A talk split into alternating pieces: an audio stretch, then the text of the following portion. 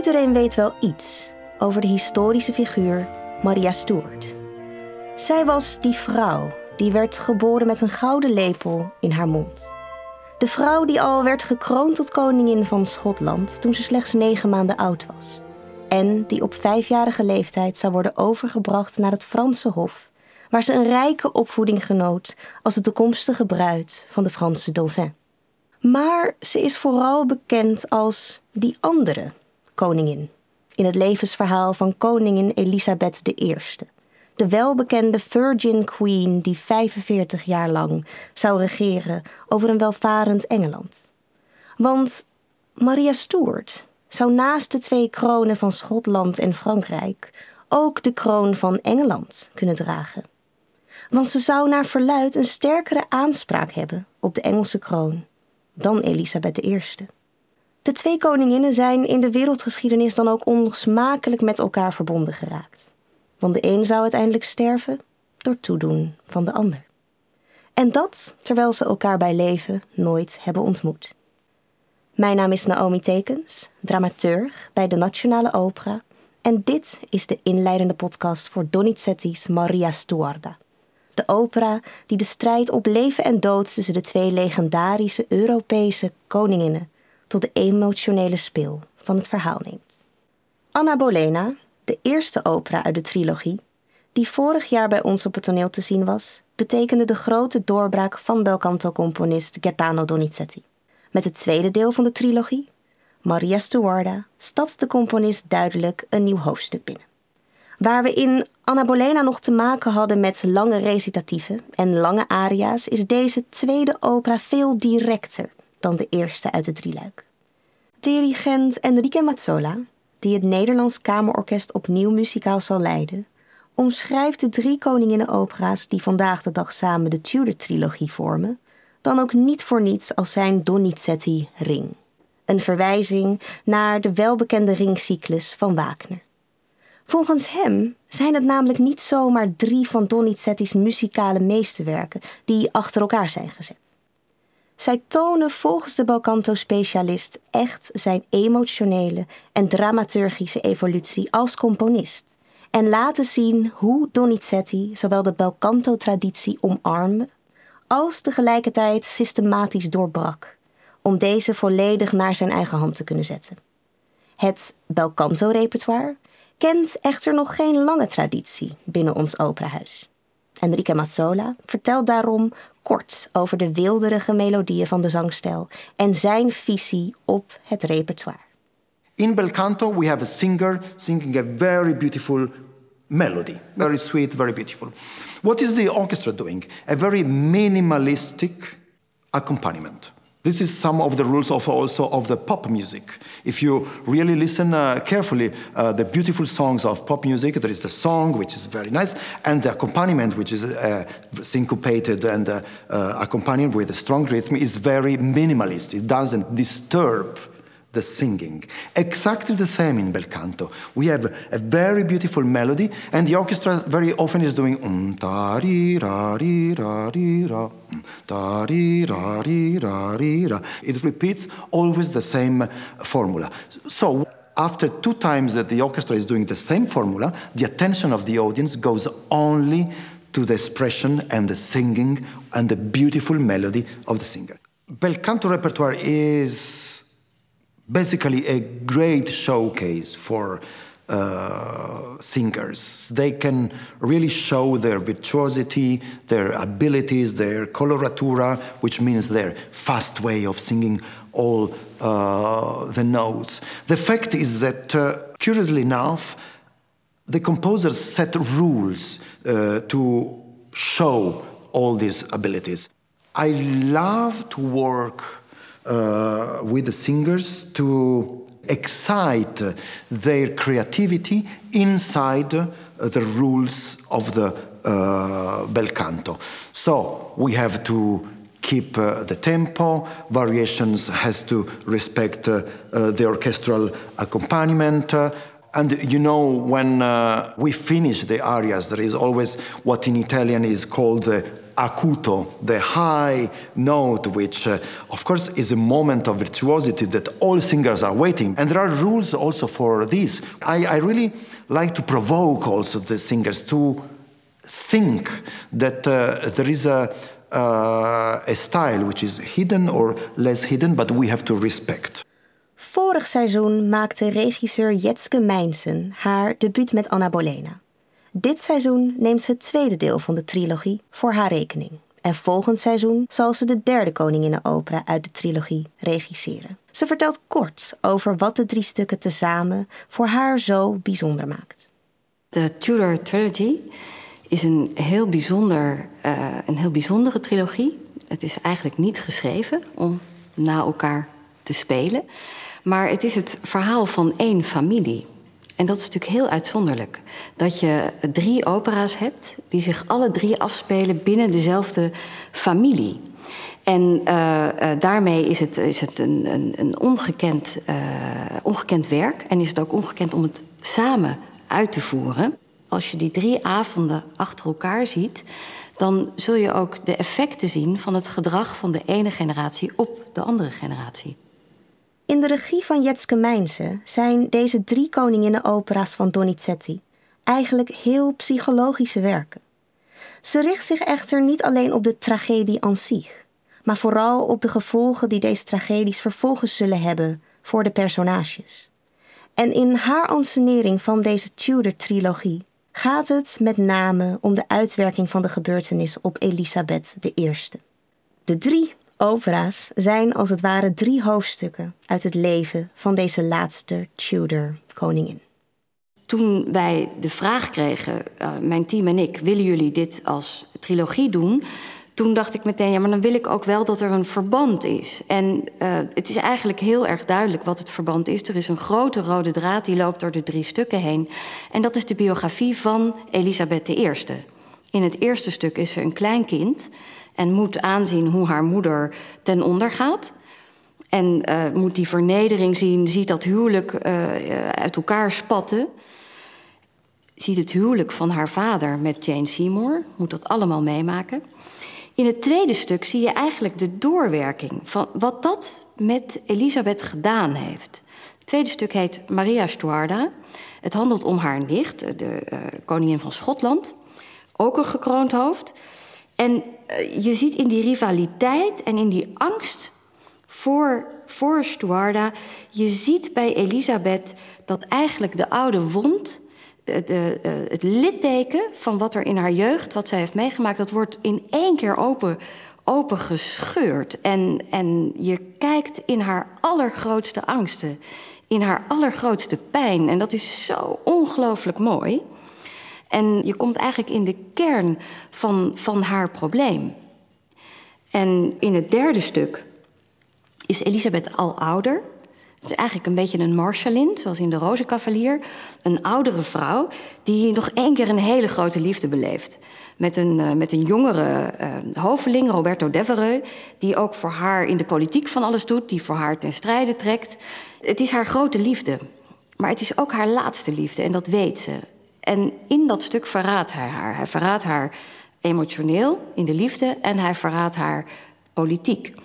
En je ziet ook daar weer dat eigenlijk die vrouw zo beschadigd is door alles wat ze mee heeft gemaakt in die vroege jeugd, dat ze daar eigenlijk helemaal niet mee om kan gaan. En dat ze, dat ze overreageert en eigenlijk met uh, zijn ondergang ook haar eigen ondergang in werking zet.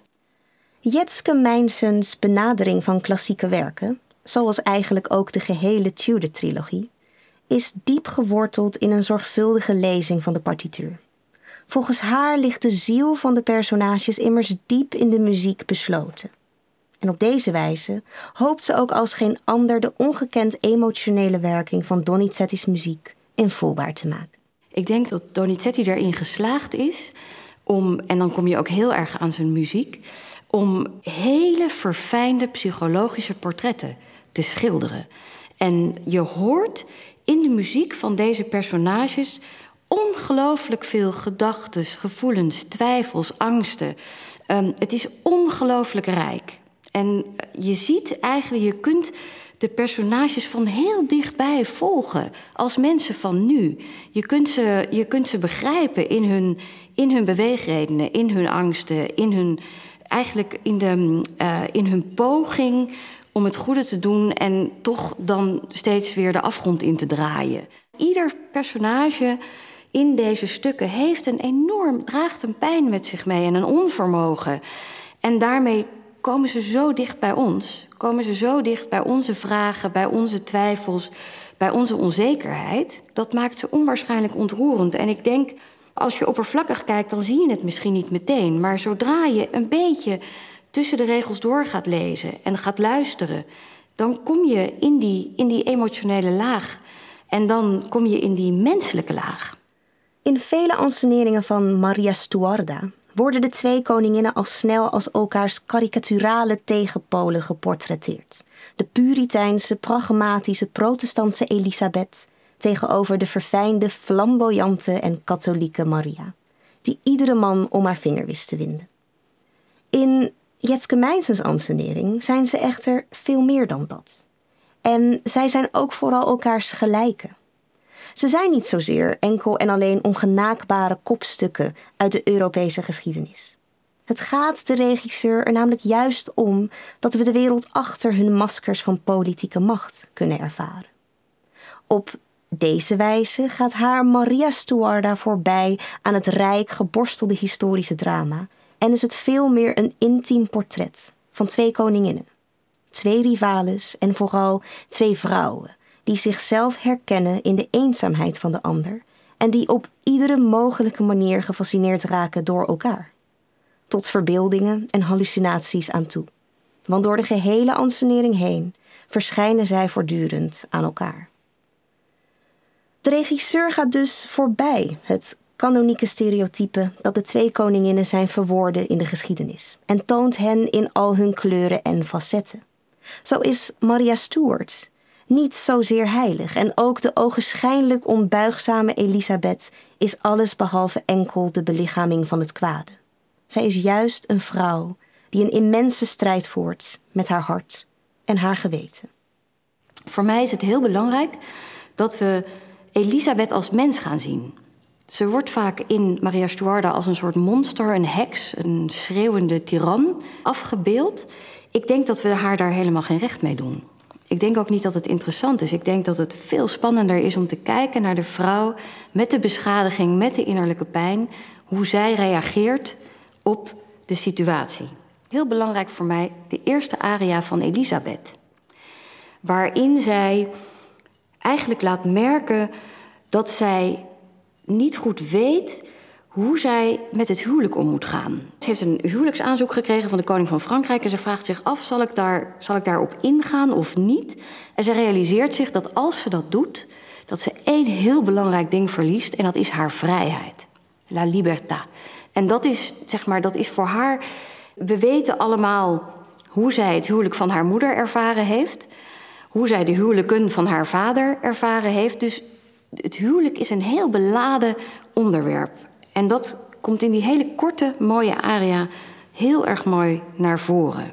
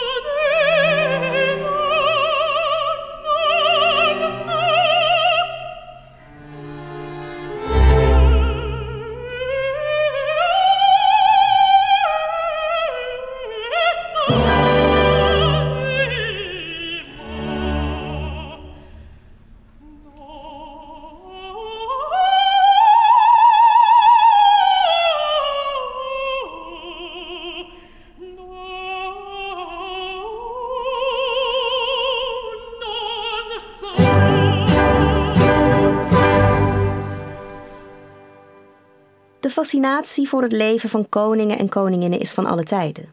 En voor Donizetti namen verschillende andere kunstenaars al het gedeelde verleden van deze twee koninginnen tot het onderwerp van hun meesterwerken.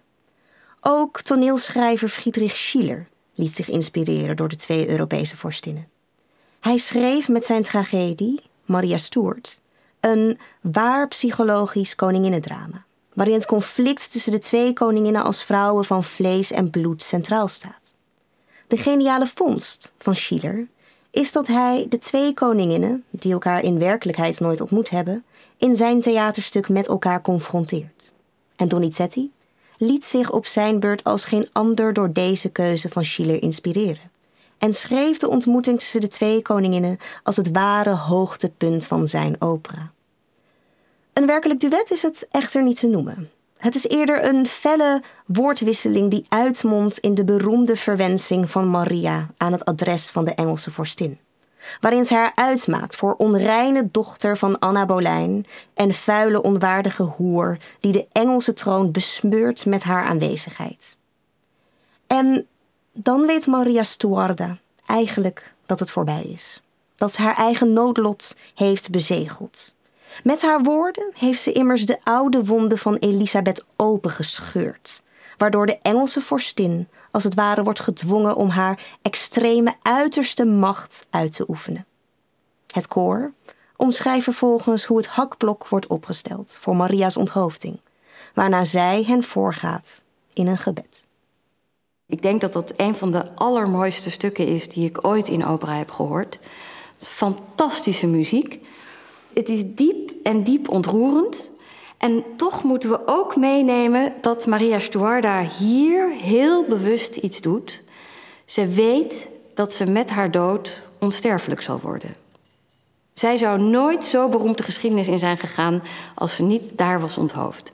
Dus ze anseneert ook op een bepaalde manier haar eigen, haar eigen dood, haar eigen martelaarsdood, zou je kunnen zeggen.